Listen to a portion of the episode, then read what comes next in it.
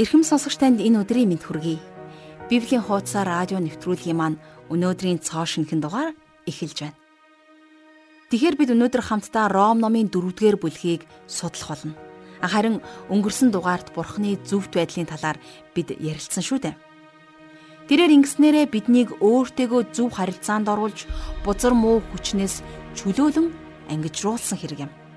Түүнчлэн итгэгч биднийг авралт хүргэдэг бурхны хүч чадал бол үргэлж шин байдаг төдийгүй уялдаа холбоотой байдгаараа үнэхээр онцгой. Учир нь бурхан бидэнд мөн хамийг өөрийнхөө хүү Есүс Христийн дотор үнгүүгээр өгөхийг хүсдэг. Харин тэрхүү амийн бидэнд хүрэх боломжтой болдог нарийн үйл явцыг ойлгох нь заримдаа жоохон хэцүү байдаг. Тэгвэл бурхан энийг ойлгомжтой болгохын тулд Библи сударт олон дүр зураглал өгсөний чухал тодорхойлолтуудыг Ром ном бидэнд маш тодорхой харуулж өгч байна. Харин авралыг өгөхдөө Бурхны тавьдаг цорын ганц болцол бол өөрийнхөө Есүс Христийг эзэн болон аврагчаа хэмээн итгэх явдал юм.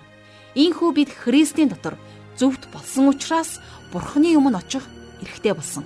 Тийм учраас Библи судрын Еврей номын 4-р бүлгийн 16 дахь ишлэлд Тимээс бид хэрэгцээтэй цагт туслах нэгүслийг олж өршөөлийг хүлээн авахын тулд нэгүслийн хаан ширээнд итгэлтэйгээр ойртон очицгоё гэж бичиж үлдээсэн байдаг. Ингээд жаргал агшийнхаа хичээлийг эхлүүлж энхүү гайхамшигтай цагийг бурхандаа өргөж хамтдаа залбирцгаая.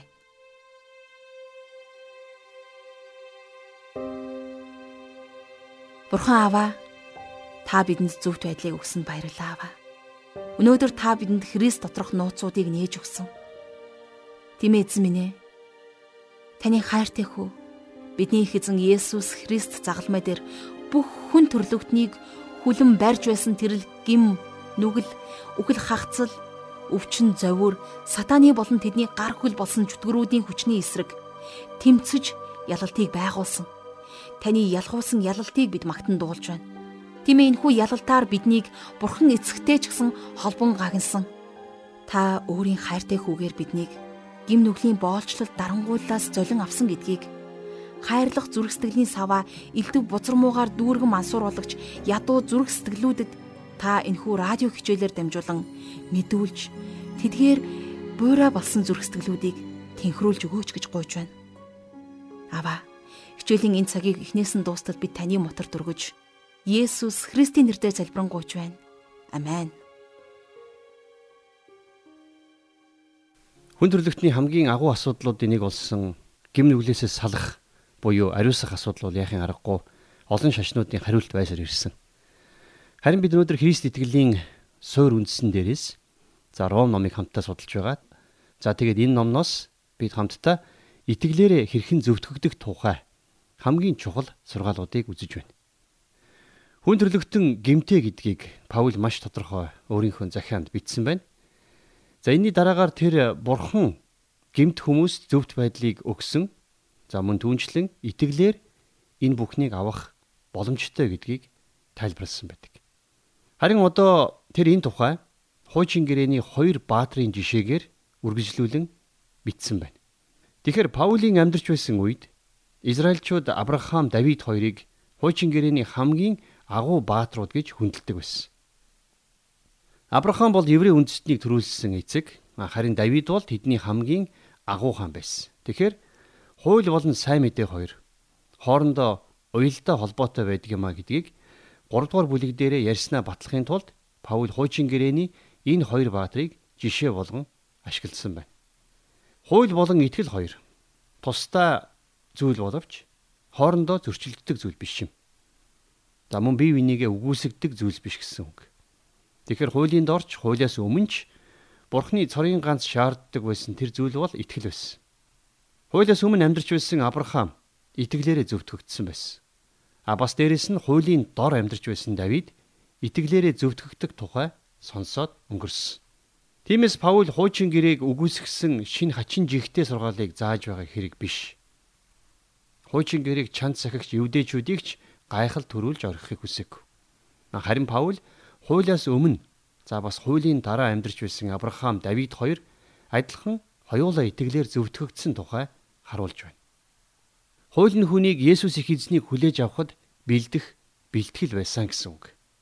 Ингээд өнөөдөр хамтдаа Ром номынхон 4-р бүлгийг судлах болно. За эхний 5 ишлэлээс харах юм бол Авраам итгэлээрээ хэрхэн зөвтгөгдсөн тухай энд гарч байна. Хамтдаа Ром номын 4-р бүлгийн 1-р ишлэлийг уншийе. Тиймд Махбодоор өвөг маань болсон Авраам юуг олсон гэж бид хэлэхвэ. За тэгэхээр махан биеэр бидний өвөг болсон гэдг нь бол хүний өөрийн зүтгэлээр төрүүлсэн тэрхүү зүйлийг ярьж байна тийм ээ. За энэ бүлгийг тиймд гэдэг үгээр эхлүүлсэн нь Паул өмнөх бүлэг дээр ярьж байсан зүйлээ үргэлжлүүлж байгааг харуулж байна. Сайн мэдээ нь бидэнд сайрхах боломжийг өгдөггүй. За бас хуулийг батлан харуулдаг гэж өмнөх дугааруудаар бид хамтдаа үздэгэсэн. Тэгэхээр Авраам болон Давидын жишээ бол Паулийн сургасныг нотлоход энд хэрэглэгдэх болно. Бид юу гэж хэлэх вэ гэж Паул асууж байна тийм ээ. Тэгэхээр энэ загтлынхаа нэлээд олон хэсэгт маргаантай асуудлуудыг шийдвэрлэх үедээ энэхүү асуултыг ашигласан байдаг. За Паул эхний хэсэгт хүн гим нүгэлтэй болохыг батлах. А эсвэл энэ талаар марах гэж оролдог. За тийм учраас энэ асуултыг захианыхаа эхний хэсэгдэр бол тавиагүй. За бас загтлынхаа төгсгөл хэсэгт ч гэсэн ийм асуултыг оруулдаг. За Авраам бидний анхны өвөг гэж хэлснээрээ Израиль үндэстэн болвол Авраамаас эхэлсэн гэдгийг хэлж байна. За анхны өвөг гэдэг үг бол маш чухал үг. Учир нь яагаад үг гэхээр Авраам хамгийн анхны Израиль хүн байгаа зогсохгүй энэ үндэстнийг эхлүүлсэн чухал хүн байсан. Орчин үеийн Израильчууд ч гэсэн Авраамыг маш сайн мэддэг. Тэд нэр түүнийг Израиль үндэстнийг эхлүүлсэн анхны өвөг дээдс гэж үздэг. За махан биеэр гэдэг үг бол Авраамыг ч олсон гэдэг үгийг тодтогч болохоор байна. За тэгэхээр тэр махан биеийнхээ дагуу яг юу болсон юм бэ? Авраамийн махан биеийн үйлс сайрхах зүйл биш. Харин ичхүр бодлионыг авчирж байсныг Авраам өөрөө хүлээн зөвшөөрсөн. Авраамд үнэндээ сайрхаж бардамнах зүйл ерөөсөй байхгүй байсан. А гэхдээ нөгөөтэйгөр Авраам маш сайн хүн байсан. Тэр дүү Лоттой жишээлх юм бол хүссэн газрыг нь өгсөн тийм ээ. За тэгээд Содом Гоморагаас зугтсан зэрэг нь үнэхээр тэрний хийсэн сайн үйлдэлүүд байсан. А гисэн хэдий ч гэсэн Авраам бас л бурханд итгэж чадаагүй Египт рүү зугтж л байсан. Тэр тэндээ зарц эмэгтэйгээс хүүтэй болсон ч гэсэн сайрхах зүйл биш байсан юм. За ингээд Паул яриагаа цааш хэрхэн үргэлжлүүлж байгааг 2 дугаар ишлэлээс хамтдаа харцгаая. Гэхдээ Авраам үйлсээрээ зөвтгөгдсөн бол тэр сайрхах юмтай. Гэхдээ бурхны өмнө биш. За тэгэхээр хэрвээ Авраам махан биеийнхээ үйлсээр зөвтгөгдсөн байсан бол тэр сайрхах юмтай байж болох байсан ч гэсэн энэ нь бурхны өмнө сайрхах сайрхал байх боломжгүй байсан гэсэн үг. Өөрөөр хэлэх юм бол тэр өөрөөрөө сайрхаж болох ч гэсэн а бурхны өмнө бол хийх зүйлгүй байхсан. Авраам бурхны өмнө сайн зүйлийг хийж байсан. Үүний хэрэгтээ Авраам олон олон сайн үйлсүүдийг бүтээсэн. А гэхдээ хамгийн гайхалтай нь эдгээр сайн үйлс нь түүний авралын үндэс суурь нь биш. Харин аврагдж итгэлээрээ зөвтгөгдснийх нь үр дүн байсан байна. Яаковын тухай өөрийнхөө загтал дээр 2-ын 21 дээр бичгтээ бидний эцэг Авраам тахилын ширээн дээр өөрийнхөө Исаака өргөхдөө үйлсээрээ зөвтгөгдсөн биш үү гэж хэлэхдээ Паулийн энд гарч байгаа тэрхүү утга санаатай зөрчилдөөгүй байна. За энд Яаковын ярьж байгаа үйлс гэдэг зүйл нь бол хуулийн дорх махан биеийн үйлс биш байсан. Яагаад гэвэл Авраам хуулийн дор байгаагүй шүү дээ. А энэ нь болохоор итгэлийн алхам үйлс байсан. Авраам бурханд итгэж байсан учраас Исаака өгсөн. Харин тэр энийг хийж хараахан амжаагүй. Бурхан тэрнийг яг эзэгтэй мөчтөн зогсоосон. За яагаад гэвэл энэ нь буруу байсан учраас тэр юм. Тэгэхээр Паул болон Яаков яг нэг ижил зүйлийг ярьж байна. Авраам бурханд итгэсэн учраас тэрний итгэлийг зөвхт байдалд бурхан тооцсон юм. За энэ талаар Эхлэл номын 15-ын 6 дугаар ишлэлдэр болон за Яаковын 2-ын 23 за Ромын 4 дугаар бүлгийн 3 дугаар ишлэлээс харах боломжтой. А гэхдээ биш үү? Яаков Авраамийн амьдралын төгсгөл үе хүү Исаака өргөссөн цаг үеийг дурдсан. Тэгэхээр Авраамийн байдал хамгийн муу гэм нүгэлтэй хүнийхээс ялгаагүй байсан гэдгийг бид санах хэрэгтэй. Түүнд хэдийгээр сайрхах үйл хэрэг байсан ч гэсэн тэр хизээч бурхны өмнө сайрхах боломжгүй байх байсан. Яагаад гэвэл бурхан махан биеийн үйлсийг бол хүлээж авдаггүй. Махан биеийн үйл хэрэг бол түүний ариун байдлын өмнө зогсох боломжгүй. Харин Авраам яг л тийм зүйлсийг хийсэн байсан. За дөрөвдүгээр бүлгийн 3 дугаар ишлэгийг хамтдаа харъя. Бичвэр юу гэдэг вэ гэвэл Авраам бурханд итгэсэн. Үүгээр түүнийг зөвд тооцсон гэдгээ. За тэгэхээр Паулинд бичвэр буюу Библийн шийдвэрлэх эрх мэдлийг дурдсан байна. За Библиэр юу гэж байдаг гэснээр Бурхан юу гэж байна вэ гэдэгтээ яг адилхан хэлсэн байна. За тэрэнд ярьж байгаа зүйлийг нь батлах энээс өөр эрх мэдэл байгаагүй.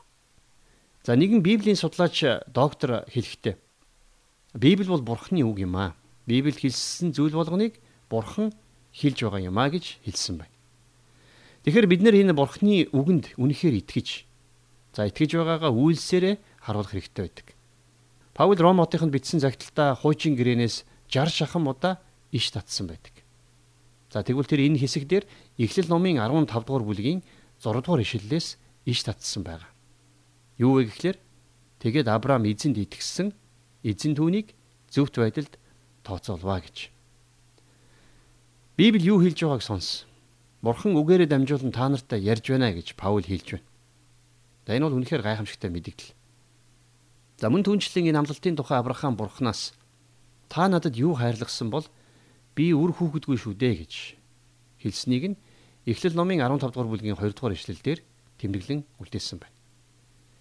Бурхан Авраамийн үр удам нь Тэнгэрийн одод шиг олон байх болно гэж хэлснээс өөр баталгааг өгөөгүй. Өөрөөр хэлэх юм бол Авраам Бурханд зүгээр л итгэх хэрэгтэй болсон. Тэр Бурханы үгийг яг байгаа чигээр нь хүлээн авч сэтгэл амар явсан байна. Нэгэн Библийн багш пастор хүн худал ярьдгүй итгэмжид бурханд итгэснээрээ Авраам ямар нэг гавья байгуулаагүй. Хамаг алдар гавья нь бурхных байсан. Авраам бурханд итгэхдээ хүн юу ч хийлгүүгээр хийж болох нэг зүйлийг хийсэн юм. Бурхан үгээ хэлж амлалтаа өгч бас өөрөө биелүүлнэ гэсэн. Бурхан үннийг хэлсэн гэж Авраам зүрхэндээ итгэсэн. Тэрнээс ямарваа нэгэн зүтгэл гараагүй. Авраамийн итгэл нь үйлдэл биш хандлага байсан. Тэрний зөргсдгэл өөр дээрээ төвлөрөхөө болж Бурхан болон түүний амлалт руу бүрэн хандсан. Ингэснээр Бурхан тэрний амьдрал амлалтаа чөлөөтэй биелүүлэх боломжтой болсон. Итгэл нь Авраамийн хувьд ямар нэг байдлаар химжигдэх үйлдэл биш. Зан чанарын өөрчлөлт биш. Зан чанарын хөгжил дэвшилч байгаагүй.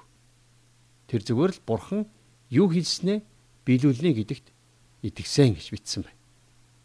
За тэгээд Эхлэл номын 12 дугаар бүлгийн 3 дугаар эшлэлдэр газар дэлхий дээрх бүх үндэстэн чамаар дамжуулан өрөөгднө гэв гэж Бурхан Авраамд хэлсэн. Энэ бол үнэхээр гайхамшигтай амлалт байсан. За харин одоо түүнийг зөвд тооцоолсан гэсэн Бурханы үгийн талаар жаахан ярилццгаая. Тэгэхээр энэ нь Бурхан тэрнийг хүлээн авч зөвд тооцсон гэсэн. Өөрөөр хэлэх юм бол Бурхан энийг Авраамийн сайн үйлсийн дансанд хийж өгсөн гэсэн үг. Энэ бол үнэн дээр тэрний сайных биш харин бурхан түүнд тооцов гэсэн дүн тавьсан байна. За хамтдаа 4-р бүлгийнхээ 4-өөс 5-р ишлэгийг үргэлжлүүлэн харцгаая. Ажилдаг хүний хувьд цалин нь өглөг бус харин төлбөр гэж тооцогддог. Харин сүсэг бишрэлгүй хүнийг ч зөвтгдөг тэрээр үйлддэггүй боловч өөрт нь итгэдэг нэгний итгэлийг нь зөвд тооцдог гэсэн байна. За их сонин харьцуулт байна. Юу вэ гэхлээр ажил олгогчид ажил хийж байгаа хүнд цалин хөлсийн заавал өгдөг. За тухайн хүн ч гэсэн ажилсан ажлынхаа төлөө хөлсөө авах нь зүүн хэрэг тийм ээ. А харин тэгвэл Авраамийн хувьд өөрийнхөө ажилсан ажлын хөлсийг аваагүй гэсэн. Тэрний аврал бол өөрийнх нь сайнд биш.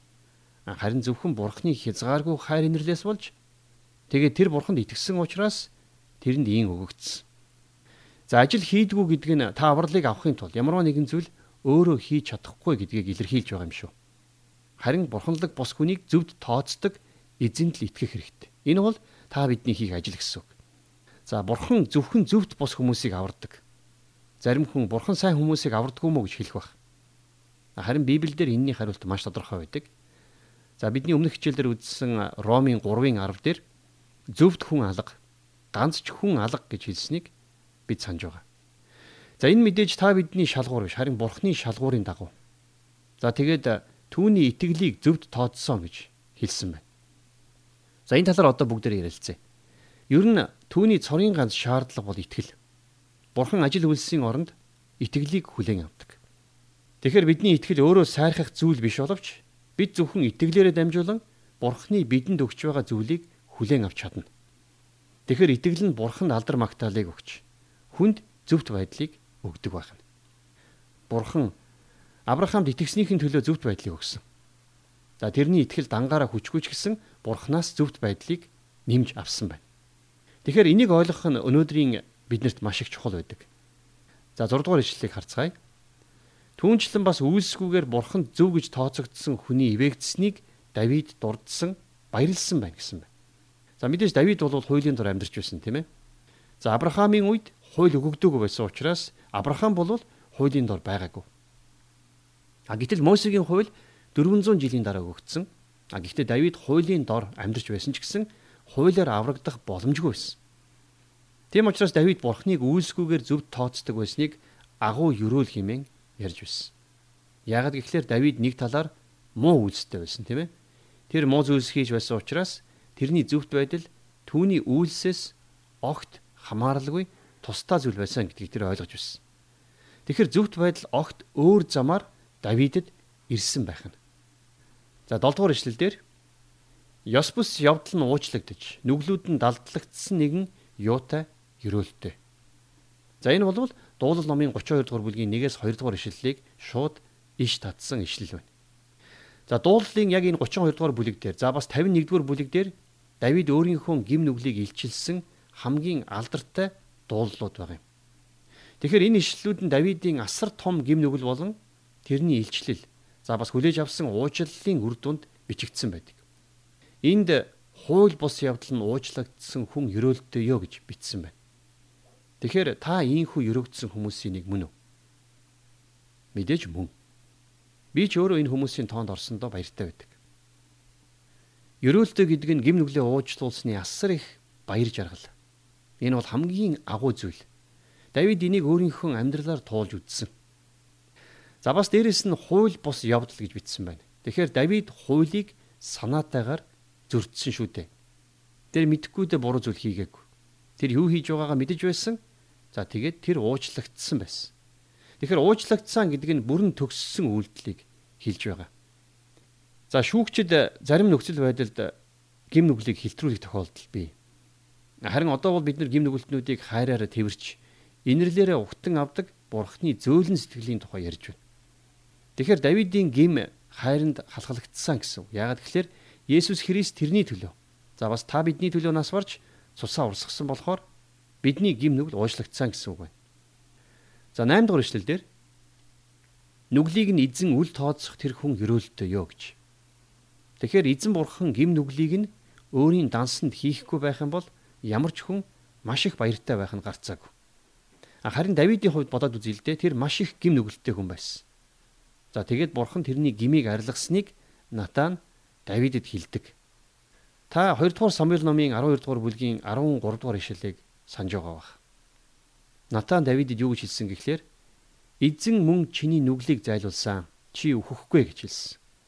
А гисэн хэдий ч гэсэн бурхан Давидыг сахилгажуулдаг. За тэгээд Натан Давидэд ядуу хүний хургийг авсан баяны тухай түүхийг ярьж өгөхөд тэрээр 2 дугаар Самуэль номын 12 дугаар бүлгийн 6 дугаар ишлэлдэр тэр хүн охин хурганы төлөө дөрв дахин төлөх хэрэгтэй гэж хүртэл Давид Натанд хэлж байсан. Тэгэхээр Давидын дөрвөн хүүхэд Батшибагаас төрсэн хүү За түүний ууган хүү Амнон, Абсалом болон Адонай нар бүгд алагддаг. За тэгээд энэ цагаас хойш уу гашуу Давидын амьдралыг насан туршдаа дагсан байдаг. Харин бурхан Давидын гин бурууг өөрт нь тохоогүй. Тийм ч учраас нүглийг нь эзэн үл тооцох тэр хүн ерөөлтөө ёо гэж тэрээр хэлэх нь аргагүй байсан байна. За дөрөвдүгээр бүлгийн 9 дэх эшлэл. Тэгвэл энэ ерөөл нь хоцлуулсан хүмүүст хамаатай юу? Эсвэл хоцлуулаагүй хүмүүст хамаатай юм уу? Учир нь бид итгэлээр нь Авраамыг зөвд тооцсон гэж ярьдаг. За тэгэхээр Бурханаас ирдэг зөвтгөл болвол хүн бүхэнд хамаатай юм а гэдгийг ойлгуулахын тулд эргээд Авраамийн амьдралыг сөхөж байна. За Давид хуулийн дор амьдрагч хүн уучлагдсны баяр хөөрийн тухай ярьсан учраас евдээчүүд Давид хоцлуулсан хүн тул зөвхөн ийм л хүмүүс зөвтгөлийг авах ёстой гэж бодох байсан. Тийм учраас Паул эргэж Авраамийн амьдралыг сөхөн ярьж байна. Тэгэхээр Авраам хууль гарахаас ч өмнө за мөн хоцлуулахаас ч өмнө зөвтгөгдсөн байсан. За тэгээд цааш нь 10 дугаар ишлэл дээр. Тийм бол энэ нь яаж тооцоолсон юм бэ? Хоцлуулсан байхдаа юу эсвэл хоцлуулаагүй байхдаа юу? Хоцлуулсан байхдаа бус, хоцлуулаагүй байхдаа юм а гэсэн бэ. За бурхан тэрэнд амлалтыг өгч амлснаа хийнэ гэж хэлснээс өөр зүйл байхгүй байхад Авраам бурханд итгэсэн. Ба тийм учраас Авраам бурханы үгийг байгаагаар нь хүлээж авсан байна. 11-с 13 дугаар ишлэл. Авраам хоцлуулаагүй байх үедээ итгэлийнхээ зөвийн тамгаар хозллын тэмдгийг хүлээн авчээ. Тэр хоцлуулаагүй итгэдэг бүх хүний эцэг нь болж тэднийг зөвд тооцоолохын тулд ингэжээ. Мөн бидний эцэг Авраамд хоцлолоос нь өмнө байсан итгэлийн мөрөөр мөшгөгч хоцлуулсан хүмүүст хозллын эцэг болов. Авраам болон үр удам ертөнцийг өвлөгч болох амлалтыг хуулиар бус харин итгэлийн зөвдлөөр хүрдэжээ гэсэн байна. Их тодорхой бичсэн байгаа биз? Тэгэхээр хоцлуулах ёслол бий болохоос олон зуун жилийн өмнө Бурхан Авраамд энэхүү амлалтыг өгсөн байдаг. За тэгээд Авраамийн хийсэн зүйл гэх юм бол тэр зүгээр л Бурханд итгэсэн. За энэ тухай үргэлжлүүлээд 14-өөс 16 дугаар ишлэлдэр юу гэж байгааг хамтдаа харцгаая. Хэрэг хуулиар байгсдал өв залгамжлагчид юм бол итгэлэн талаар амлалт нь хүчингүй болгосон билээ. Учир нь хууль уур хилэн авчирдаг. Харин хаана хууль үгүй байна? Тэнд бас зөрчил гэж үгүй. Тиймээс нэгүслийн дагуу байхын тулд тэр амлалт нь итгэлээр ирдэг. Ингэснээр тэрхүү амлалт нь бүх үрд зөвхөн хуулийн үр удам төдийгүй мөн Авраамийн итгэлийн үрдч баталгаатай болох юм. За тэгэхээр бурхан Авраамыг зөвхөн итгэлээр аварсныг бид дахин дахин харж байна. За одоо бас нэг зүйлийг анзаараарай. За юу вэ гэхлээр Авраам дахин амлалтанд итгэх итгэлээрээ бас зөвтгөгдсөн байдаг. За 4-р бүлгийн 19-р ишлэлийг хамтдаа харъя. Тэр 100-аад насалсан тул биеийн нэгэнд үгшэрснийг болон Сарагийнх нь умааж үхтэнг болсныг мэдсэн хэдий ч итгэлээр дороодсонгүй. Тэгэхээр эндээс нэг дүгнэлт хийж болохоор байна. Юу вэ гэхлээр итгэл дангаараа болвол ямар нэгэн ач холбогдолгүй. Авраамийн эргэн тойронд байгаа бүх нөхцөл байдлын дунд итгэж болох ямар ч зүйл байгаагүй. Тэр зүгээр л бурханд итгэж найдсан. Энэ бол маш чухал юм. 20 дугаар ишлэл. Бурхны амлалтын талаар тэрээр үл итгэн тээнгэлзэх бус. Харин ч итгэлээр хүчрхэгчтэй Бурханд алдрыг нь өргөсөн гэсэн байна. За эндээс харах юм бол Авраам хоёрдмал санаатай хүн байгааг байгааз. Энэ ишлэлийн хамгийн гол санаа бол энэ юм. Тэгэхээр Авраамийн нөхцөл байдал ямар ч найдваргүй байсан ч тэр амлалтанд итгэсэн. Авраам амлалтыг өгсөн нэгэнд итгэл тавьж түүнд алдар магтаалыг өгсөн байна. Хүн бурхныг алдаршуулахаар бүтээгдсэн боловч дуулуургүй байдлын улмаас энэ нь эсрэг болсон тухай бид урд нь үзэж судалцгаасан. Тэгэхээр бурхныг алдаршуулах цорын ганц зүйл бол түүнд итгэх итгэл. 21-р эшлэлдэр амлснаа биелүүлэх чадвартайд нь бүрэн итгэж байлаа гэсэн байна. За бүрэн итгэлтэй гэдэг нь тэр итгэлээр асгарч цалигтал дүүрэн байсан гэсэн утгатай. Тэгэхээр тэрэнд эргэлзэх ямар ч орон зай байхгүй байсан гэсэн үг байгааз. За 22 дугаар ишлэлийг үргэлжлүүлэн хамтдаа харцгаая. Тиймээс итгэлээр түүнийг зөвд тооцсон ажээ. Үхлээс дахин амилахад итгэж байсан тэрний итгэлийг нь бурхан хүлээн авчээ. Тэр үхтэнг болсон сарагийн хөвлөд бурхан хүүг бий болгож чадна гэдэгт итгэж байсан учраас бурхан тэрнийг зөвд тооцсон байна. Бурхан хүүгийн дахин амилсан гэдэгт итгэх хүмүүст мөнхийн амийг амласан юм. За ингээд Ромын 4-р бүлгийнхээ 23-аас 24-р ишлэлийг хамтдаа уншийе. Тэр ийм тооцогдсон гисэн нь зөвхөн түүний тухай бичсэн биш. Бидний эзэн Есүсийг маань үхгсдээс амьлуулсан түүнд мөн итгэх бидний төлөө билээ. Бидний хилэнцээс болж Есүс тушаагдсан бөгөөд биднийг зөвтгөхийн тулд амилсан юмаа гэсэн байна. За тэгэхээр Авраамийн эхнэр Сарагийн үхтэнг умаа бол буштай адил байсан. А гэвч тэр газраас ам бий болсон. Авраам бурханд итгэсэн. Тийм учраас энэ тухай Есүс эзэн Иохан номын 8:56 дугаар ишлэлдэр Та нарын эцэг Авраам миний өдрийг харна гэд баясаж байсан. Үүнийг тэр хараад баяртай байсан гэж хэлсэн байна. За тэрчлэн Ром номын 4-р бүлгийн 25 дугаар ишлэлдэр бидний хилэнцээс болж тушаагдсан бөгөөд биднийг зөвдөгхийн төлөө Христ амилсан юмаа гэж бичсэн байна. За энэ бол зөвхөн Христийн үхэлд биш. А бас түүний дахин амилсанд итгэх итгэл байгаа юм. Өнөөдрийнхөө хичээлийг би нэгэн Библийн багшийн хэлсэн үгээр иш татаад төгсгөё гэж бодож байна. За тэр багш хэлэхдээ Христ үхэхдээ бидний өрийг түлж дахин амьлахтаа өр төлөгдсөн баримтыг маань гардуулан өгсөн гэж хэлсэн байдаг. Тэгэхээр Бурхан Есүсийн үхэл болон дахин амьлалтанд итгэж байгаа хүмүүсийг бүгдийг нь зөвтгөнө гэсэн. Энэ бол үнэхээр гайхалтай бэлэг. Тэгэхээр нэгэн асуулт үлдэж байна. Та Есүс Христэд итгэж байна уу гэж.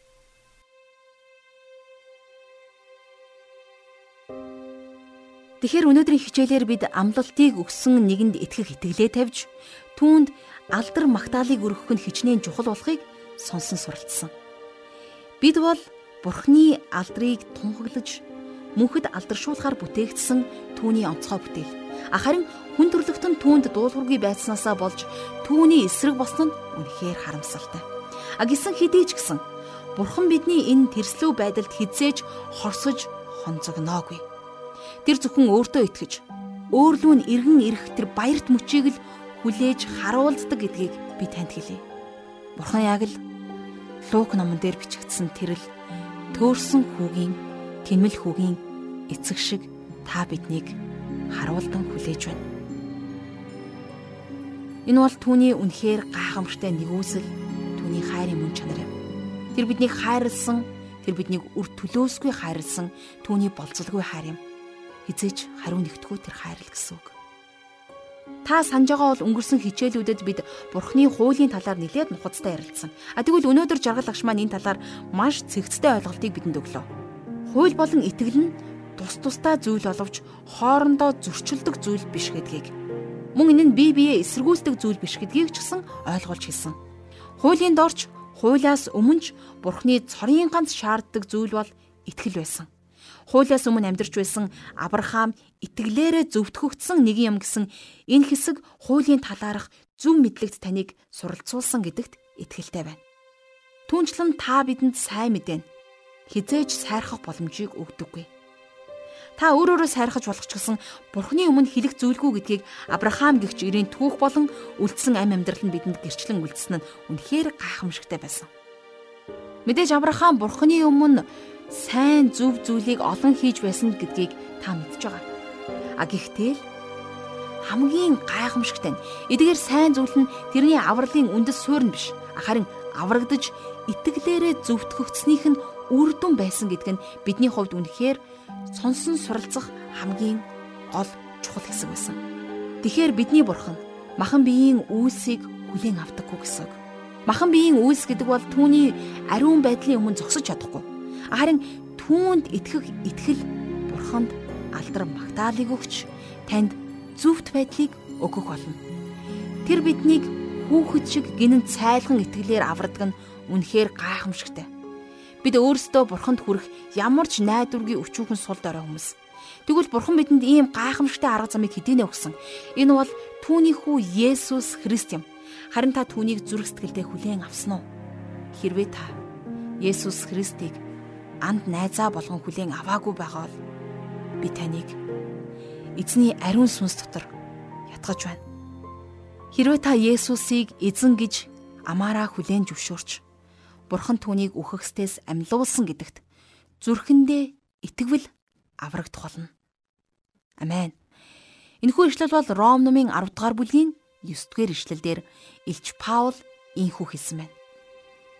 Тэгэхээр сонсогч та Христийг аврагчаа болгон хараахан хүлээн аваагүй байгаал яг одоо намайг дагаад хамтдаа залбирахыг би танаас ятхан гуйж байна.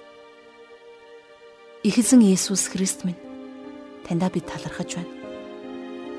Таны хайрын золилт, таны хайрын үйлчлэлийн төлөө бидний бодол санаанаас дээгүүрх тэрл золилт агуу хайр төлөвлөгөөний төлөө эзэн баярлалаа. Өнгөрсөн өдрүүдэд бид өөрсдийнхөө мөн чанар, бид өөрсдийнхөө дур зоргоороо хийжсэн бүхэл алив бузар муу үйлдэлийнхаа төлөө танд таалагдахгүй байсан, таашаагдахгүй байсан, таныг таньж мэдгүйгээсээ болон хийжсэн алдаа зөвчлүүдийнхаа төлөө би таны өмнө гимшин улааж байна. Та уучлан өршөөгөөрэй. Гимээ их эзэн минь, яг энэ цаг мөчид Есүс таныг эзэн гэж амаараа хүлээн зөвшөөрч байна.